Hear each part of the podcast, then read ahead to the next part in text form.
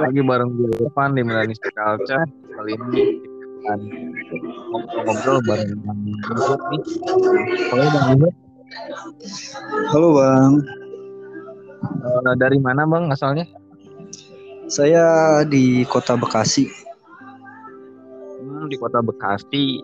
Di Iya, Bekasi Bang. banyak kan Milanisti. Iya Bang, tapi saya masih gabung cuman di grup-grup ini doang, apa di akun-akun media sosial doang, belum yang komunitas-komunitas. Hmm. Kalau kalau Mas Luhut ini dari dari kapan jadi Milanisti? Saya semenjak SMP itu zamannya yang eh, Milan kalah di final Champion 3-0 eh 3-0 apa dibalikin tiga sama ya kalau nggak salah ya Liverpool. Betul. Nah, dari situ tuh. Dari situ suka mulai. Kenapa Milan kalah malah suka? Enggak, malah ke Liverpoolnya aja gitu sukanya. Oh, enggak.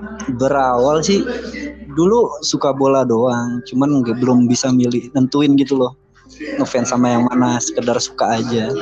Nah, temen ada temen deket dia Milanisti. Dia Milanisti geblek lah bisa dibilang. Eh, bisa dibilang bisa kenapa saya bilang Milanisti geblek? Apa pun siapa pun lawannya Milan, dia taruhan pasti pasang Milan walaupun kemungkinan kalah kemungkinan menang dia tetap pasang Milan Gitu. Iya. nggak jelas itu orang Ini udah udah darah mati banget ya. iya teman kayak gitu nah jadi kayak sohib kayak gitu jadi kayak diracunin gitu loh soal Milan nah jadinya ya keterusan Tapi tapi nggak nggak nyesel kan? Jadi Milanisti. enggak sih enggak enggak banget begitu nyari tahu sejarahnya jadi lama-lama nyari tahu ya sedikit-sedikit walau wawasannya enggak luas. Ya cuman tahu dari internet tapi ya jadi jadi semak- makin suka gitu loh. Kan ada ada beberapa ada beberapa fans luar ya yang bilang kalau itu ya klub sejarah doang gitu. Kalau sekarang tuh bukan bukan apa-apa gitu AC Milan itu. Nah menurut eh, Bang Luhut ini eh, gimana nih rasanya? Hmm, kalau dibilang sejarah, gimana ya? Saya soalnya suka dari Milan, ya di bisa dibilang di masa emas dan di ujung-ujungnya masa emas ya. Hmm. Nah, terakhir kan yang Scudetto 2010 2011 apa 2011 2012 lupa tuh. Pokoknya ya abis itu kan masa kelam bisa dibilang ya sampai tahun kemarin ya. Eh apa ya? Kalau bilang sejarah karena ya bisa bilang iya karena emang Serie A dulu zamannya Serie A tuh something ya. Tapi saya nggak terlalu peduli sih karena kalau dibilang mau sejarah ya kisah ada yang dibanggain tapi kan kita saya selalu kalau adu argumen tuh nggak ngomong se sejarah sih tentang prison aja tentang sekarang aja. Sih nggak masalahkan tentang komentar-komentar negatif seperti itu ya. enggak sih kalau gitu bacanya ketawa aja sih apalagi di media sosial kan.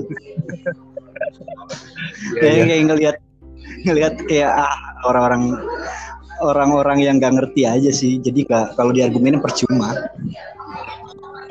Nah, kan eh, Bang Luhut ini udah udah cukup lama ya suka sama Milan dan sempat kita langsung bagaimana Milan dari era emas era babuk-babuk hari ini. Nah, Lalu bagaimana pendapat Bang Luhut soal Milan saat ini? era Pioli ya Hmm. Eh, sebenarnya eh, semenjak terpilihnya Pioli itu ganti Gattuso ya kalau nggak salah ya eh gua nggak terlalu berharap lebih sih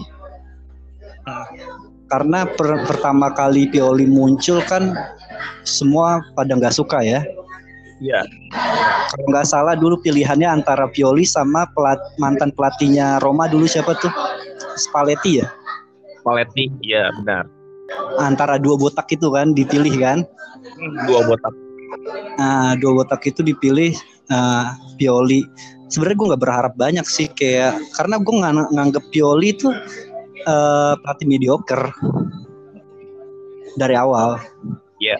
Nah, terus uh, terus muncullah lagi berita kalau dia dulu internisti. Iya, benar. Ya kan, wah itu sih gue kebawa emosi juga sih sebenarnya ngebacanya sih. Uh, sampai why kenapa harus internisti yang yang mimpin Milan? gitu kan. Iya benar. Terus uh, tapi gue nggak tahu beneran dia internisti karena nggak nggak ada bukti konkret sih semuanya. Cuman gosip-gosip liar bola liar aja sih. Nah terus uh, eh, gue ngelihat permainan dia awal-awal sih nggak nggak seberapa meyakinkan sampai Ibra datang kalau nggak salah ya? Iya. Setelah dibatai ada kontrak dari dari Amerika datang. Ada sedikit perubahan gue ngelihat iya iya. Dia datang kontrak. Gila abis sih gue dicengin sama teman-teman gue teman-teman gue rata-rata fans ini Liga Inggris. Uh, gue ngelihat anjir lah Ibra tapi ada harapan. Kenapa gue bilang ada harapan Ibra dateng? Di tangannya Pioli Pioli menurut gue kayak nggak punya bukan pelatih. Dia pelatih ini dia lembut bukan pelatih ketega nggak tegas menurut gue kayak butuh sosok emang karakter yang kuat. Oke lanjutin yang pendapat saya soal Pioli ya. Ya Ya, so ya kalau pendapat saya Pioli sampai sekarang sih saya ngelihatnya dia punya uh, permainan yang yang lumayan untuk uh, untuk kita yang punya pemain yang kualitasnya nggak begitu gimana banget kan ya bukan pemain-pemain bintang banget kan. Gue sih dia udah cukup hebat dan kalau misalnya orang bilang gue sempat ini sih bikin hashtag Yoli out cuman buat ini seru-seruan sih. Iya. buat seru-seruan karena menurut gue ya kesel lagi kesal aja kemarin. Gue bikin Pioli out Pioli out. Tapi sebenarnya dia pelatih bagus karena dia udah mencapai target dia yang dikasih sama klub Iya, dengan pemain seadanya dia mematahkan beberapa rekor yang Milan nggak pernah menang di kan, di tan, ditandang beberapa tim kan. Uh, menurut gue sih uh, ekspektasi kita aja terlalu tinggi di saat dia bisa mencapai peringkat satu dalam be, lumayan berapa minggu ya, lumayan lama kan. Ekspektasi uh, Milanisti jadi tinggi begitu dia uh, menurut gue kenapa yang gue bilang Iya, kenapa dia nggak mental yang nggak ini? Menurut gue ya emang dia bukan pem, bukan pelatih yang terbiasa dengan uh, pressure tinggi, uh, fans yang fanatik, terus jadwal yang ketat, Eropa Cup sama Liga dan uh, apalagi uh, semenjak pandemi kayaknya agak padat ya jadwalnya ya, yang kata kemarin iya, sempat berhenti kan ya. Banyak cedera. Jadi menurut gue sampai saat ini dia cukup memuaskan sih. Tapi kalau untuk champion gue belum masih yakin gak yakin sih. Kemarin kan kita habis ngebantai Torino nih 7-0 di tandang. Menurut lo siapa nih MVP dari laga kemarin? MVP-nya iya gua ngelihatnya malah bukan di di pemain depan. Gue malah ngelihatnya di pemain belakang. Siapa kenapa gue ngelihatnya di pemain belakang? Uh, eh, gue ngelihat Kajer Kajer sih. Itu gue ngeliat dia berapa kali. Maksudnya dia konsisten di belakang dengan tingkat cedera yang rendah dalam satu musim kepemimpinan dia terus sampai di Torino salah satu puncaknya menurut gue penampilan dia di saat Ibra nggak terlalu banyak bisa melakukan banyak hal dia dia something banget gue ngeliat kayak kepemimpinan dia. Dan kalau di depan sih dari jumlah banyaknya gol sih menurut gue itu kesalahan uh, dari Torino sih jadinya backnya aja caur banget sih. Jadi kalau misalnya dibilang strikernya kemarin lagi keren-kerennya ya hoki sih menurut gue tujuh kosongnya. Jadi gue nggak gue nggak nggak nggak lihat skor gedenya sih. Walaupun skor gede bisa bikin naikin mental tapi dengan range umur Milan yang rata-rata muda sering kali kita kalau udah menang gede anggaplah dari kemarin paling gede kita tiga kosong ya. Uh, tiba-tiba tujuh kan ya karena emang kesalahan Torino. Jadi hmm, gue belum belum ngelihat penyerangan Milan tuh apa ya. Masih terlalu merata mas. Terlalu merata dari apa ya striker kita tuh ketolong sama pemain tengah yang punya daya serang yang lumayan. Iya, benar-benar. Lu, lu lihat deh, kita belum punya striker murni, bang. Gila, butuh banget gitu striker beneran striker gitu loh. Uh, Ibra Ibra motivator lah bisa gue bilang kita kita satu musim ngejalanin nggak pakai striker bisa dibilang gue iya benar Ibra kebanyakan absen Ibra absen walaupun perannya besar sih. Menurut gue yakin di luar lapangan peran dia besar banget. Iya. Cuman apa ya untuk satu musim dengan kita pemain-pemain bisa dibilang main kualitas menengah, mediocre, menurut gue Pioli udah cukup hebat sih. Bisa kita bersaing di papan atas. Dan uh, Bang Luhut ini uh, puas gak dengan Pioli sejauh ini? Pioli atau Milan ya? Piolinya. Piolinya ya cukup puas lah.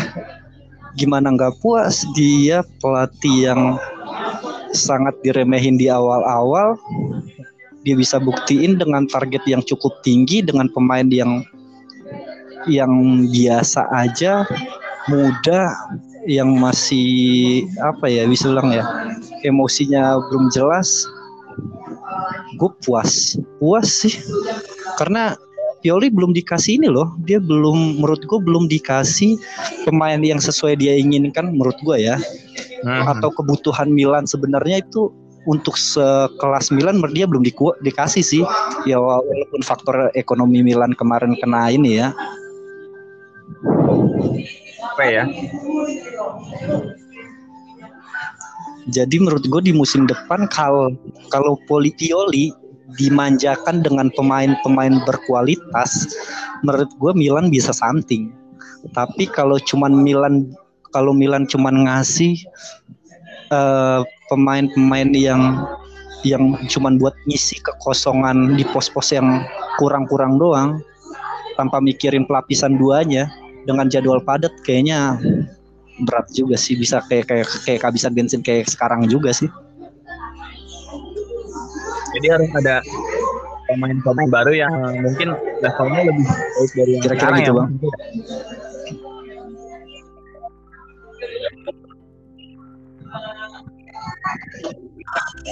Iya dong, harus banget itu bang, karena kita udah mencapai target nih. Masa iya uh, kita nggak berani apa investasi di pemain yang berkualitas yang maksudnya berkualitas tuh pemain-pemain yang sudah biasa ngadepin ketatnya uh, panjangnya musim gitu loh dengan bermain di Eropa yang kayak gitu-gitu loh yang bermain di di tim besar pres biasa menghadapi pressure dari tim dan juga fans yang fanatik yang seperti itu loh bukan pemain yang kelihatannya jago satu dua musim di uh, liga kecil gitu loh. Maksudnya ya bukan liga liga ya big four liga di Eropa gitu. Jangan yang kayak gitu. Kalau yang cuman jago di liga-liga biasa mah, aduh, mentalnya sih yang menurut gue ujung-ujungnya nanti kayak Hauge. Nah, kalau ngomong-ngomong soal rumor ya, kan striker dari Milan ini mengerucut ke dua nama nih ya, Bang Luhut, antara Vlahovic sama Belotti nih. Bang Luhut lebih prefer milih ke mana nih? Kalau siapa, siapa aja tadi? Belotti sama Vlahovic. Vlahovic. Hmm. Aduh, berat ya.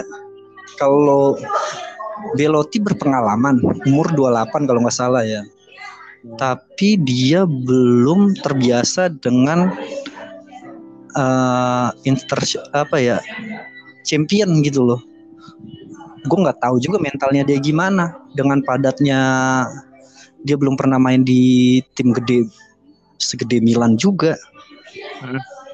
tapi kalau untuk liga sih gue yakin dia gacor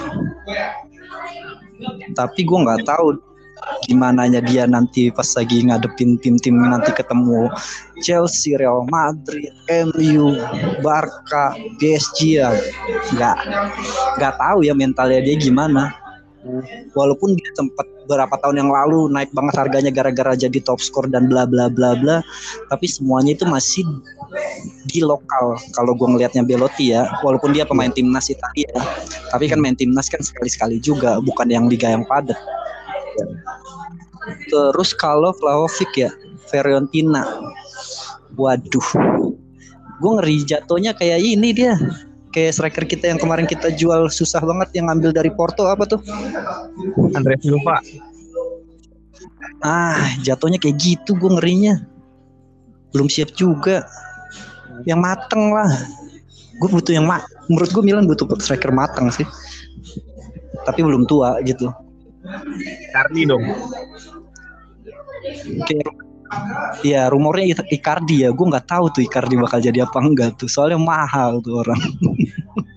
Tapi gue suka Minjem. Icardi, bat, bang, keras. Hmm? Minjem paling. Apa? Minjem.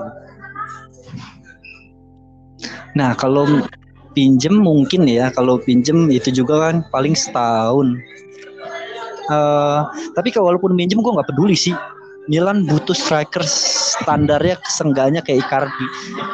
Dengan standar kayak Icardi, dengan uh, menurut gue kalau ngambil striker standar Icardi Liga Inggris Liga Spanyol bakal akan mahal banget juga, akan susah juga nyarinya. Menurut gue Milan harus ngambil Icardi sih. Dia di bola dia bola atas lumayan, tendangan kenceng banget, penempatan posisi bagus ya bagus lah dia menurut gue cocok untuk dengan gaya main Pioli saat ini. Butuh striker tunggal di depan. Ya ini ya, menurut gue ya opini kan, aja ya. Ya. Tim ini kan udah kebanyakan. Dan ada juga iya. opini dari seorang legend yang gue nggak tahu uh, namanya siapa lupa. Katanya kalau Milan Ibra itu malah ya sih kalau ada Ibra lebih monoton bola kerja terus. Kalau menurut Bang Luhut gimana nih positif negatifnya Ibra dalam permainan?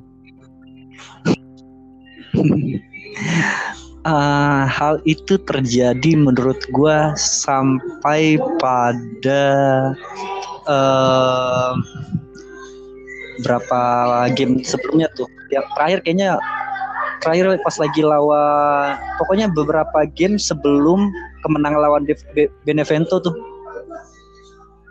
Pokoknya sampai April lah. Sampai April gue lihat permainan Milan kayak gitu. Uh, monoton udah bisa dibaca. Bahkan gue nggak nonton nonton highlightnya aja saking malesnya. Uh, ketebak gitu loh tapi hal itu berubah menurut gue ketika uh, lawan Juventus itu itu beda beda banget menurut gue Pioli kayaknya nemuin format baru deh terakhir lawan Juventus. Tapi kalau dibilang monoton, iya sampai ketahuan. Efektifnya menurut gue permainan sama Ibra itu sampai akhir tahun doang. Sisanya udah ketebak. Setelah libur liburan Natal sama tahun baru tuh. Mainan Milan nggak jelas lah. Tapi kalau misalnya sampai Juventus, Juventus Pioli nemuin sesuatu yang baru, menurut gue taktiknya beda. Ibra bukan target man yang untuk ngegolin, tapi dia kayaknya buat tektokan doang deh sama mancing pemain dan keren banget.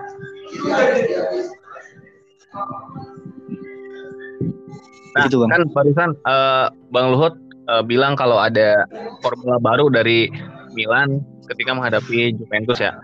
Nah, salah satu formulanya ini ketika Pioli berani memainkan seorang Brahim Diaz bersama Ibrahimovic dan di dua laga terakhir kita menang 10-0 atas Kota Turin dan Brahim Diaz mencetak dua gol ya di dua pertandingan itu. Menurut Bang Luhut gimana nih soal performa Brahim Diaz yang menurut gua lebih baik daripada Real? Ya, ini dua anak muda yang menurut gue punya uh, skill di atas rata-rata tapi emang karakternya beda aja uh, Ibrahim Diaz itu yang gue suka walaupun dia tahu dia kekurangan dia badannya kecil. Tapi uh, gue suka uh, batunya dia ketika dia ngejar bola. Ketika dia kehilangan bola.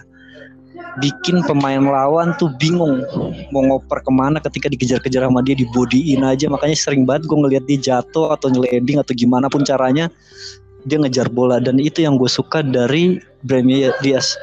Dan juga dia punya kemampuan uh, ini sih kemampuan tendangan placingnya menurut gue sama kemampuan dia untuk melihat striker posisi kosong gitu loh dari awal musim kan makanya dia sering banget ngasih uh, beberapa kali ya ngasih umpan ke Movik dulu. Yeah. Di saat Movik ya umpan-umpannya itu cantik-cantik menurut gue dan harus dipertahankan sih dengan posisi uh, yang 10-0 lawan Kota Turin berperan besar sih menurut gue Ibrahim Diaz tetapi nih tetapi ini akan menjadi blunder lagi kalau Pioli terus-terusan main kayak gini. Maksudnya kebaca gitu. Iya, benar. Karena menurut gue Pioli kesalahan Pioli tuh dia apa ya kekurangan Pioli satu dia nggak punya plan B kayaknya. Iya. uh, telat telat. gue bukan telat sih emang dia nggak punya plan B kayak kalau kalau misalnya Milan udah udah di babak kedua gitu seri atau kalah atau ter uh, tadinya di babak pertama unggul terus terkejar dia kayak cuman teriak-teriak dong udah lakukan yang terbaik gitu aja nih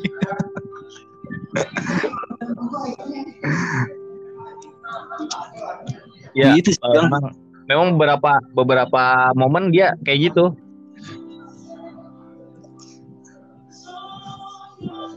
Iya, jadi kalau gue seneng sih uh, bikin mood buster banget sih kemenangan atas Juventus sama Torino. Nah.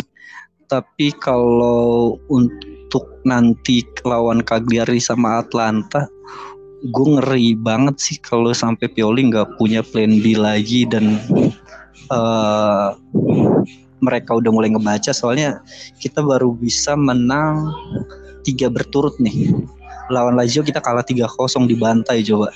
Wah ya. Maksudnya jadi menurut gue belum belum belum dipastikan kalau kita bisa menang lawan Cagliari sama Atlanta. Kalau misalnya Pioli dan teman-teman pemain-pemain yang lain eh, nggak uh, bisa konsisten. Iya benar. Tadi juga Napoli udah udah memastikan diri lolos Liga Champions. Liga Champions. Fiorentina ya walaupun uh, sepertinya harus uh, menentukan juga di laga terakhir. Hmm, iya menurut gue sih uh, yang harus Milan lakukan sih menang sih lawan Cagliari dan sengganya lawan Atlanta seri lah. Itu kalau kayak gitu ini ya bisa lolos ya kalau menang lawan Cagliari seri lawan Atlanta ya. Kalau menang lawan Cagliari kita udah udah lolos. Oh begitu ya. Gue gue ngeri aja soalnya Cagliari berapa game terakhir tiga game terakhir apa empat game terakhir gue ngeliat dia cukup kuat dalam bertahan. Kegolannya maksimum satu kalau nggak salah deh setiap gamenya. Iya.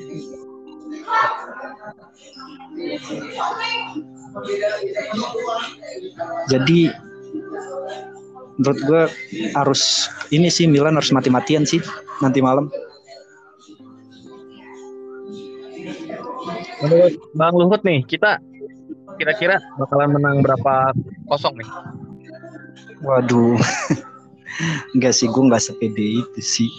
Uh. Dengan baru baru tiga game terakhir menang terus menang gede lawan Torino, yang menurut gue itu hari sial Torino aja sih. Jadi gue nggak ya paling aduh gue paling males deh prediksi eh, dua uh, kosong lah karena menurut gue yang penting menang sih ya, gue gak peduli. Soalnya mau menang segede apa pun kalau di liga kan tetap aja tiga poin. Uh, benar.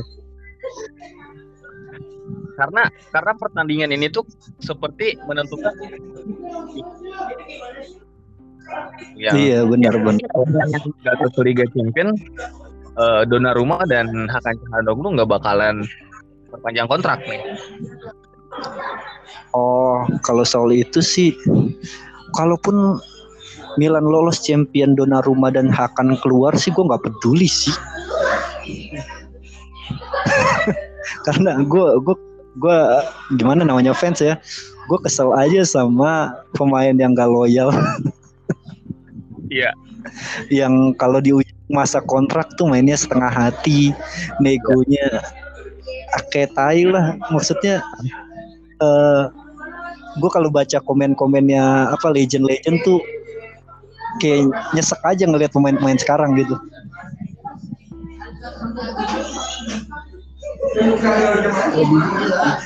uang ya daripada kebanggaan gitu, bersama AC Milan.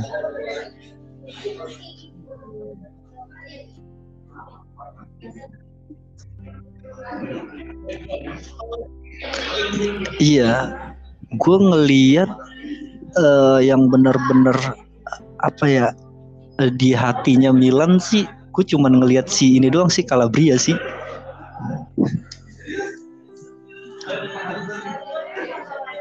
Ngelihat mukanya begitu kesel kalah sama Jupe yang kayak gitu-gitu lah.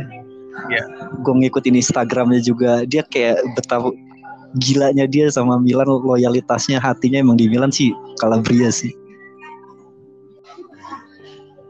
ya kalau melihat mimik muka dari dari hasil pertandingan ya, beberapa pertandingan kan lebih merhatiin seorang Manjukic yang ketika kita kalah dari Sassuolo dia begitu begitu uh, marah gitu seperti mana lalu ketika Milan menang lawan Juventus dia kelihatan ketawa-ketawa gitu. Dan dia malah malah nggak akan diperpanjang kontraknya. Menurut lu gimana?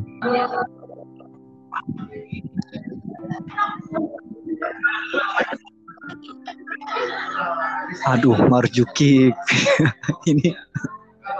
Aduh, kalau Marjuki sih gue bener deh dari awal gue nggak peduli sama nih orang karena gue tahu dia nggak bakalan ngasih pengaruh besar untuk Milan. Jadi kalau cuman untuk kayak gitu doang sih apa namanya dia punya hati di Milan dan bla bla bla menurut gue ya lu Marjukic jadi fansnya Milan aja dia nggak usah main karena nggak ngasih kontribusi untuk apa kan? Menemuin stok pemain.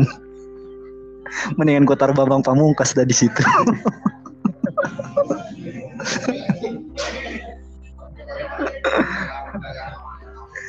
Berarti gue Milan butuh pemain-pemain yang ini deh yang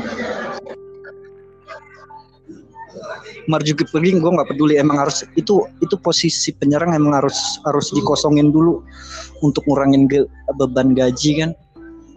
Untuk pemain yang menurut gue sekaligus berkualitas lah. Masukin satu dua pemain misalnya di posisi striker utama kan. Satu pemain sayap kanan kasih lehot buang aja menurut gua. uh, posisi kiri Leo kayaknya waktunya dipinjemin deh dia. Biarin Hauge jadi uh, cadangannya. Karena kasihan Hauge jadi pilihan ketiga. Untuk tengah menurut gue udah cukup sih. Cuman kalau misalnya Cahla mainnya setengah hati gini terus mendingan ditendang sih. Gantiin De Paul ya ini opini gue sih sama kita butuh ini sih uh, back kiri Iya. Back kiri kita butuh back kiri. Ah, deputinya Theo. Sama gue nggak ngelihat Romanoli saat setelah cedera terakhir di di tengah musim eh di tengah tahun kemarin tuh dia setelah cedera kayaknya mainnya biasa banget dan menurut gue eh, kalau dia dipinjamkan atau dijual dengan harga tinggi yang maksudnya untuk cukup untuk bisa mendatangkan pemain yang lebih baik sih nggak masalah sih. Gantiin apa back Fiorentina tuh lumayan tuh yang dari kemarin kita incer. Ivan Kovic iya sama kiper juga Donnarumma kalau udah mainnya setengah hati mendingan ganti kiper Lille. Gitu sih menurut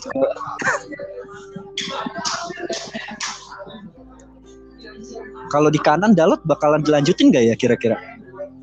Kayaknya iya. Maksudnya dibeli atau di pinjam lanjut bakal dikasih MU nggak ya? Pinjam lanjut. Karena Dalot nih sekali sekalinya bagus bagus sekalinya bap, bapuk nih. Iya. Tadi ngomong kemarin sempat ada rumor kalau Buffon katanya mau ke AC Milan. Ini bang. Aduh, jangan lagi deh legend-legend Juve gue benci banget. Udah cukup Bonucci. Udahlah, kayak nggak ada kiper lain. Untuk apa motivasi juga kayak Ibra? Udahlah, cukup dulu kita dijulukin kereka tua. Sekarang udahlah.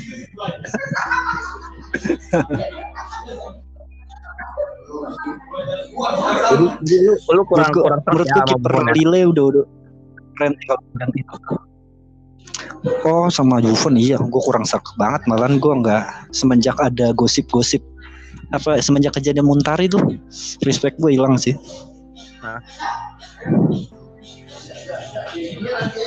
respect gue ke Buffon hilang Soalnya dari pertandingan itu ya datanglah era kebapukan Milan ya. Iya gitu.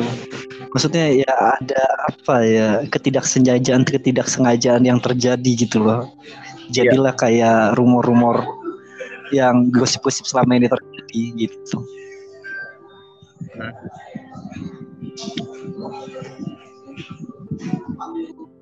Oke deh bang, Eh ini terakhir nih ya. Eh gua minta gimana lagi bang? pesan-pesannya buat buat para Milanisti.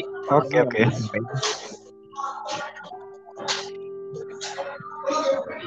Waduh, gue juga gue juga fans ini nih. ah, pesan-pesannya ya udah dukung Milan terus aja ya. Eh apa ya? Menurut gue kita fans yang jadi fans yang dewasa aja lah. Untuk nggak terlalu banyak war di mana-mana, tapi kalau emang harus terjadi kita ngadu bacot ya, ya cukup gini aja. Gue gue kurang suka sama fans Milan yang terlalu mati-matian ngewar di komen-komen eh, di mana-mana misalnya di place atau di mana-mana gitu. Maksud gue kalau lu pengen nyampein ya sampein aja pendapat lu terus jangan kalau misalnya ada yang ngeremehin Milan di komentar itu yang nggak usah dilanjutin biarin aja bawa ketawa aja. Gitu Hmm. aja sih. Oke, Tetap itu semangat aja. dukung Milan. Oke, makasih nih Bang Luhut buat waktunya udah ngobrol-ngobrol buat konten.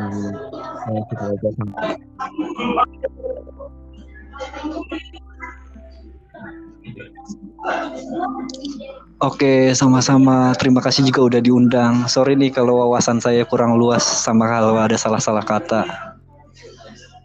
Gak apa-apa. Uh, saya doakan semoga keluarganya sehat terus rezekinya dilancarkan dan semoga kesembilan lolos Liga Champion.